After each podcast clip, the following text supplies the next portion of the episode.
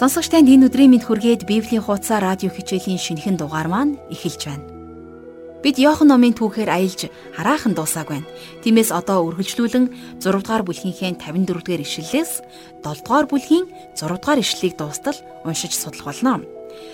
Өнөөдөр та бид Христэд итгэх итгэлээрээ бидний гим нүглийн төлөө загалмай дээр түүний үхлийн үр ашгийг хүртснээрээ сүнслэг амийг Бурханаас хүлээн авцгаасан хувьтай хүмүүс Монголчууд бид алсын хараатай уужуу дотортой хүмүүс гэж өөрсдийгөө магтдагч үнэхээр бурхны үгийг хүлээн зөвшөөрч амьдрахад хэр алсын хараатай байдаг бол Тэгэхээр та бид бурхныг хүлээн зөвшөөрч түүний үгийн дагуу дуулууртай байснараа бодит амийг биш харин жинхэнэ сүнслэг амийг хүлээн авна гэдгийг жаргал агшин хичээлээс мэрэгэн оюун ухаандаа тунгааж бодоорой.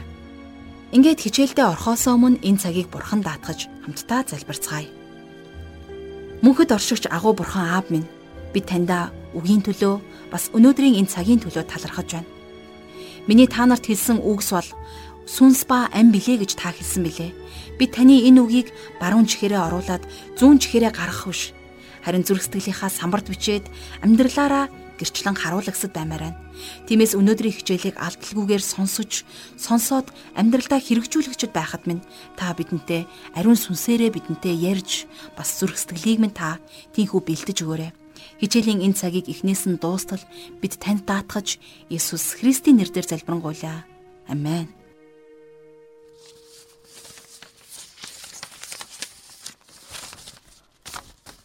За өнөөдрийнхөө хичээлийг хамтдаа Иохан номынхон 6 дугаар бүлгийг үргэлжлүүлэн үздэцгээе. За тухайлх юм бол 54-өөс 58 дугаар ишлэлийг хамтдаа гаргая. Миний махыг идэж цусыг уусан хүн мөнх амьтаа бөгөөд би түүнийг эцсийн өдөрт амьлуулна. Учир нь миний мах бол жинхэнэ хоол. Миний цус бол жинхэнэ ундаа мөн. Миний махыг идэж цусыг уусан хүн миний дотор байж би ч түүний дотор оршин байна. Амьд эцэг маань намайг илгээсэн бөгөөд би эцгээр амьдрахын адил намайг идэгч хүн мөн надаар амьдрна. Тэнгэрээс бууж ирсэн талх бол энэ мөн. Гэхдээ та нарын өвөг дээдэс идсэн нас барсантай адилгүй энэ талхыг идсэн хүн мөнхөд амьдрнаа гэлээ гэсэн байна. За мэдээж эдгээр үгсийг бол шууд утгаар нь хүлээж авч болохгүй л дээ. Учир нь яагаад гэвэл Есүс тэдний өмнө байсан. Тэр тэдэнд өөрийг нь идэж, өөрийнх нь цусыг ууж эхлэх талаар огтхон ч хэлээгүй. Тэр өөрийнхөө амийг өгөх гэж байгаа гэдгээ л энд хэлж байна. Тэгэхээр эдгээр гайхалтай үгсээр дамжуулан бидний эзэн эдгээр хүмүүсийг сүүлчийн зоогонд бэлтгэж байсан. Тэгэхээр хоёр давхрын тэр дээд өрөөнд цус бол амийн бэлэг тэмдэг гэдгийг Есүс дараа нь маш тодорхой хэлдэг. Тэгэхээр хамтдаа судалж байсан Левит номын 17 дугаар бүлгийн 11-ийг таалав санаж байгаа байх. За тэнд учир нь махан биеийн амин цусандаа байдгаа гэж байна. Бурхан Израильчуудад тэр үннийг бүр эхнээс нь зааж байсан юм. Тэр тэднийг Египтийн нутгаас гаргахтаа л энийг хэлсэн байна. За тэгээд Сина уулын орой дээр Мосе тэднэрт энэ нэгэн агуу илт илчлэлт үннийг өгсөн байдаг. Махан биеийн амин цусандаа байдгаа гэж. Тэгэхээр анагаахын хэлээр тайлбарлах юм бол энэ үг үнэхээр үнэн. Та бидний бие махбод болох махан биеийн ам маань цусандаа л байдаг шүү дээ. Тиймээс ба штэ. Есүс загалмай дээр өөрийнхөө цусыг урсгаж өөрийнхөө амийг өгөх болно. Тэгэхэр үнэндээ аврал гэдэг бол биш үү? Түүнийг хамгийн дотн байдлаар хүлээн зөвшөөрч хүлээн авснаар л ирдэг зүйл юм. За эзэн зоогонд бэлдэгтэй ч гэсэн бас нууцлаг байдлаар энэ бүхнийг илэрхийлсэн байдаг. Тэрээр хоёр давхрын дээд өрөөнд зоог барихтаа тэдэнд талах өгж энэ бол миний бие гэж хэлсэн байдаг. Тэгэхээр талах бол талах. Талах өөрчлөгдөх боломжгүй. Талах бол талах хэврээл байх болно. Дарс ч гэсэн мөн адил үргэлж дарс хэврээл байна. Харин эзний зоогийг хүртэхэд аманд орсон талах Христ таны зүрхэнд байдгаа гэдгийг илчилдэг. Эзний зоогийг мөрдснөөр сүнслэг ёроол ирдгээ гэдэгт би хувьдаа итгэдэг юм. Таны эзний зогт дуулууртай байгаагаар дамжуулаад Бурхан танд сүнслэгээр үйлчилж байдаг. Энэ бол зүр сэтгэл зориулсан сүнслэг ивэл байна. Тиймээс та Бурхантай дотно жинхэнэ харилцаатай болох боломжтой. Тэгэхээр хуучин гэрээний үед цүлд мана идэхэд тэр хүмүүсийн хувьд ч гэсэн тэр бурхны хувьд ч гэсэн ердөө төр зуурын харилцааны зүйл байсан. Харин жинхэнэ дотн харилцаатай болсноор Есүст байгаа мөнхийн зүйл болох мөнх амийг та бид нар авах болно. Тэгэхээр Иохны сайн мэдээний эхэнд түүн дотор ам байсан, ам нь хүмүүсийн гэрэл байсан гэж бидэнд хэлсэн байдгийг та санаарай. За цааш нь үргэлжлүүлээд 6 дугаар бүлгийнхээ 59-с 63 дугаар ишлэгийг харцгаая. Есүс Капернаумын синагогт заахта энэ бүхнийг альджээ. Тэд үүнийг сонсоод дагалдагчдаас олонх нь эн чинь хэцүү үг байна. Үүнийг хэн сонсож чадах вэ гэцгээв. Харин Есүс үүний тухай дагалдагчдынхаа дургуйцсан шивнэлтхийг мэдээд тэдэнд энэ нь та нарыг бүдрүүлчих үү? Хэрв та нар хүний хүү өмнө нь байсан газар руугаа дээш гарахыг харвал яах вэ? Сүнс бол ам өгдөг, мах бол ашиггүй юм. Миний та нарт хэлсэн үгс бол сүнс ба ам билээ. За Есүс энд өөрийнхөө махан биеийн талаар ердөө яриаггүй. Харин тэр Тэнгэр рүү буцах гэж байгаагаа хэлж байна. Тэгэхээр бидний махан биеийг амьд байлгадаг нь мэдээж амин сүнс. Тиймээс бид эзний зоогийг итгэлээрээ хүртэх ёстой байдаг. За хүртэж байгаа тэр аяхан доторх шүүс бол амтлаг шүүс. Бид тэр амтлаг зүйлсийг амсаад түүний та бидний төлөө загалмай дээр гашууныг амссныг дурсан санацгаадаг. Тэгснэр бид нар энэ амтлаг дарсыг уудаг. За энэ амтлаг аяга нь надад Есүс миний төлөө өөрийн цусыг урсгасан гэдгийг сануулж байх учиртай. Энэ нь л сүнслэг өрөөл оршин байдаг юм. Та нарт миний ярьж байгаа үгс бол сүнс ба ам гэж Есүс хэлсэн.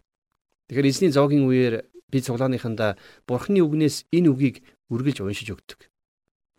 Энэхүү Бурхны үг хүмүүсийн зөрсгөлд үнэхээр сайн үйлчилдгийг би олонтой харсан. Яагаад гэвэл эзэн Есүсийн үгс бол сүнс бас ам юм. Харин энэ үгэнд Есүсийн дагалдагчдын зарим нь итгээгүй. За юу болсон гэхлээр 64-аас 65 дугаар эшлэлдэр Харин та нарын зарим чинь итгэхгүй гэв. Учир нь хэн итгэхгүйг болон хэн түүнийг барьж өгөхийг Есүс анханасаа мэдэж байсан юм. Есүс Тиймээс би та нарт энэ нь эцгээс түүнд өгөгдөгөл бол хинч над руу ирж чадахгүй гэж хэлсэн хэмээн альдлаа. За тэгэхээр энд ирэх хинч гисэн гэсэн утгатай үг гарч байна. Тэгэхээр энэ бол бидний сонголтыг илэрхийлж байгаа юм. За 66 дугаар эшлэлдэр үүнээс болж түүний дагалдагчдаас олон хүн зайлан явж цаашид түүнтэй хамт явсангүй гэж байна. За тэнд олон олон шашны удирдагч нар байсныг бид нар мэднэ. За бас тэнд 12 дагалдагчдаас гадна жагсаалтанд ороогүй олон дагалдагч нар байсан. Харин 12-ын дунд Юдас байсан. Тэгэхээр эдгээр дагалдагч нарын олон нь буцаад явсан. Гэхдээ 12 дагалдагчд нь яваагүй.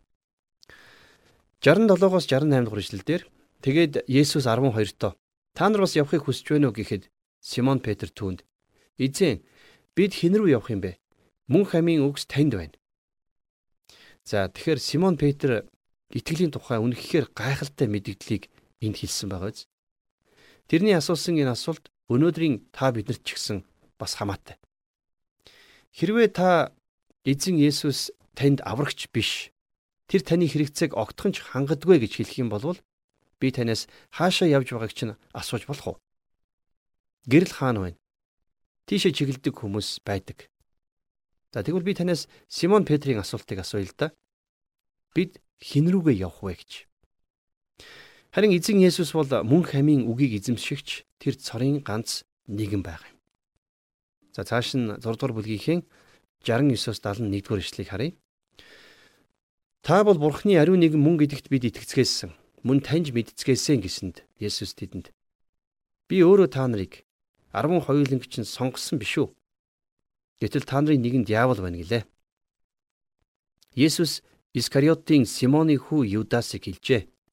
Учир нь тэр 12-ийн нэг бөгөөд Есүсийг барьж өгөх гэж байваа гэсэн байна. За тэгэхээр Искариотын Юдас гэж энэ хүн бол үнэхээр маш их нууцлаг хүн байсан. А гисэн ч бидний эзэн тэрнийг 12-ынхон нэгэнд оруулан сонгосон. Тэр тэрнийг сонгосон. Харин тэр чөтгөр байсан. Магадгүй чөтгөрөөр эзэмдүүлсэн энэ хүн Есүсээс ургах гэж байна. Тэгэхээр бидний эзэн тэрэнд өөрийнхөө төлөө шийдвэр гаргах боломж болгоныг өгсөн. Гэсэн ч тэрээр бузар мууга хийх л болно. Тэгээд ч бузар муу нь үргэлж мууцлаа гэдэг шүү дээ. Ингэснээр хамаг юм үнэхээр сонирхолтой болгодог. Харин бидний эзэн тэрний талаар гайхалтай нэгэн зүйлийг энд хэлсэн байна. Юу гэж хэлсэн гэхлээр тэр бол диавол гэж. За Симон Петрийн гэрчлэл бол Юдасихаас огт өөр. Тэрээр та бол бурхны ариун нэгэн мөн гэдэгт бид итгэцгээсэн. Мөн таньж мэдцгээсэн гэж хэлсэн байна. За ингээд бид Иохны сайн мэдээ номны 6 дугаар бүлгийг дуусгаад за 7 дугаар бүлгийг эхэлж байна. За тэгэхээр 7 дугаар бүлэг болвол Есүс бол амийн ус, Тэр өөрт нь итгэдэг хүмүүст ариун сүнсийг өгөхөөр амласан гих гайхалтай үннүүдийг багтаасан байдаг. За мөн 7 дугаар бүлэгт гарах үйл явдал Есүс майхан баяраар сүмд очиж сургаалаа зааж байгаагаар ийхүү эхэлж байна. За ингээд хамтдаа Иохны сайн мэдээ номны 7 дугаар бүлгийн 1 дугаар ишлэлийг уншицгаая. Үүний дараа нь Есүс Галилаар явж байлаа. Учир нь евдээчүүд түүнийг алах гэж оролдож байсан тул тэр евдээгээр явахыг хүссээгүй юм. Үүний дараа гэсэн үг байгааз. Тэгэхээр энэ үгээр Йохан биднэрт цаг хугацааны дарааллаар дүр зургийг зурж өгч байна. Тэгэхээр 6 дугаар бүлэгт гарсан үйл явдлууд Галил нуурын тэртээд за Галил аймагт болсон. Харин энээс өмнө Есүс Евдэ аймгийн Иерусалим хотод байсан тийм ээ. За тэнд бас Бицайда цөөрмийн дэргэд За түүний эсрэг эсэргүүцэл бий болсон. Тэгэхээр байна штэ 6 дугаар бүлгийн үйл явдлууд 4 дугаар сарын за загалмайгаас өмнө ойролцоогоор жилийн өмнө болсон бололтой. Харин 7 дугаар бүлэгт гарах үйл явдлууд бараг 6 сарын дараа буюу за 10 дугаар сард болж байна. Тэгэхээр энэ үед болсон үйл явдлуудыг Матай 15-аас 18 дугаар бүлгүүд, за мөн Маркийн 7-оос 9, за мөн Лукийн 9 дугаар бүлэгт бас тодорхой дүрсэлсэн байдаг. Өөрийнхөө үйлчлэлийн сүүлийн жилд Есүс өөрийнхөө үйл хэргийг Галилд хийхээс хязгаарлагдсан. Өөрөөр хэлэх юм бол тэр Юдагаар дахиад явхаа болсон гэсэн үг. Тэгэхээр яагаад гэвэл шашны удирдагч нар тэрнийг алхахаар хувил таныг зохиогод байсан. Харин Есүс эцгийнхээ өөрт нь өгсөн Тэнгэрлэг хуваарийг дагаж явсан. Эдгээр удирдагчид Есүсийн цаг ирэх хүртэл тэрэнд гар хүрч чадахгүй. Тэгэхээр бид нар энэ 7 дугаар бүлгээс эхлээд Есүсийн амьдралын сүүлчийн 6 сар руу орж байна. Тэгэхээр Иохан энийг майхан баярын үе гэж тэмдэглэсэн байдаг юм. За Иохны 7 дугаар бүлгийн эхний ишлэл Христийн талаар айхтар ширүүн шуурга босож байгаагаар илэрхийлэгддэг. За 6 сарын дараа тэр шуурга Есүсийг загалмай дээр цовдлох болно. Тэгэхээр тэр шуурга дөнгөж эхэлж байна. Хүмүүс Есүсийг доромжилдог. Түүний талаар хамгийн муу муухай зүйлийг ярьдаг. За тэгээд хэдийгээр энэ шуурга босч байгаа ч гэсэн Есүс энэ удаа өөрийнхөө зайлах аргаа орхин Иерусалим руу явсан. За 2 дугаар эшлэлдэр Евдэчүүдийн баяр болох майхан баяр ойртсон байваа гэж байна. За тэгэхээр эрэгтэй хүн бүрийн Иерусалимд очиж оролцох ёстой 3 баяр байдаг байсан. Тэгэхээр бидний эзэн ч гэсэн бас энэ хуулийг сахисан. За эдгээр баярууд бол дээгүр өнгөрөх баяр, майхан баяр, за Пентекостийн баяр байсан. За энэ гурван баяраар бол бүх ирчүүд Иерусалим хот руу заавал очих хэрэгтэй болдог байсан. Тэгэхээр майхан баярын тухай бидний хамтдаа судалсан Левит номын 23 дугаар бүлэг дээр илүү дэлгэрэнгүй дүрсэлсэн байдаг. За энэ бол Израильчууд Египтийн газар нутгаас гайхамшигтайгаар чөлөөлөгдсөнийг тэмдэглэх агуу том баяр байсан. Учир нь яагаад үг гэхээр тэд нэр цөлөөр аялах урт аяллаа үеэр майханд амьдардаг байсан шүү дээ. Тиймээс энэ бол майхны баяр байсан юм.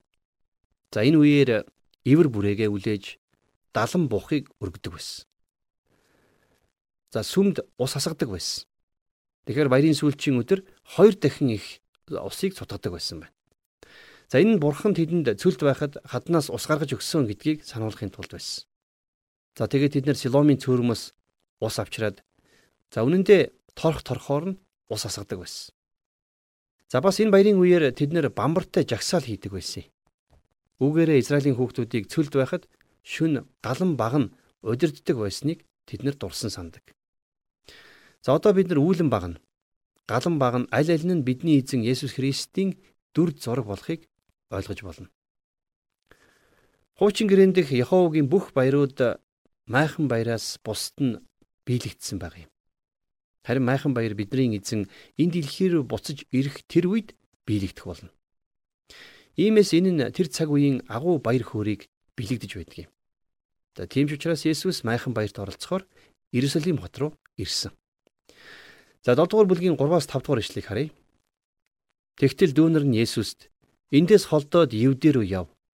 Тэгвэл дагалдагчид тань мөн таны хийж байгаа үйлсийг харна. Учир нь өөрөө нийтэд ил байхыг хүсэж байгаа бол хинч юугч нууцаар хийдэггүй. Харин та эдгэрийг үйлддэг бол өөрийгөө ертөнцид харуулал да гэж хэлв. Есүсийн дүүнер нь хүртэл түүнд итгээгүй байжээ гэсэн байна. Тэгэхээр Есүс олон дүүтэй байсан. Тэднийг Яаков, Йосе, Симон, Юда гэдэг байсан. За энэ тухай Матай номонд гардаг шүү дээ 13 дугаар бүлгийн 55 дугаар эшлэл дээр эн чинь Можаны хүү биш үү? Эхийг нь Мария, дүүнрийг нь Яаков, Йосеф, Симон, Юда гэдэг биш билүү гэж тэмдэглэгдэн үлдсэн байна. Тэгэхээр Есүсийн дүү Яаков Яаковын загтлыг бичсэн. За магадгүй Юда нь Юда номыг бичсэн байх. Харин тэр үед байна шүү дээ. Есүсийн дүүнэр Есүст итгэдэггүй байсан. Тэд нар тэрэнд түүний огтоос дагаж чадахгүй тийм зөвлөгөөг өгч байна. За 6 дугаар ишлэлийг харъя. Тэгт нь Есүс тэдэнд "Миний цаг хараахан болоогүй. Харин та нарын цаг үргэлж бэлэн байдаг." Тэд нар итгэлгүй байдлаараа Есүс зөвлөгөө өгч байна. Харин Есүс тэдний зөвлөгөөг авдаггүй. Тэр Бурхны хуваарийн дагуу хөдөлж байгаа. Тэр эцгийнхээ хүслийг биелүүлж байгаа юм. Миний цаг хараахан болоогүй гэдгийн хараахан гэдэг үгийг анхаарал таавда. Есүс тэр баяр руу явахгүй гэж хэлээгүй. Харин тэр өөрийнхөө эцгийн товлсон цагт өөрийн эцгийн тэр замаар л явах ёстой байсан юм.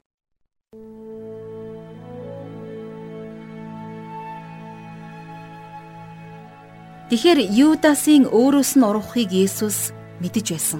Тэр өөрөө уруух шалтгаан нь гэж Юдаст харагдаж байгаа ч үнэн дээр Юдасын бурханд ойртох боломж нь тэр байсан.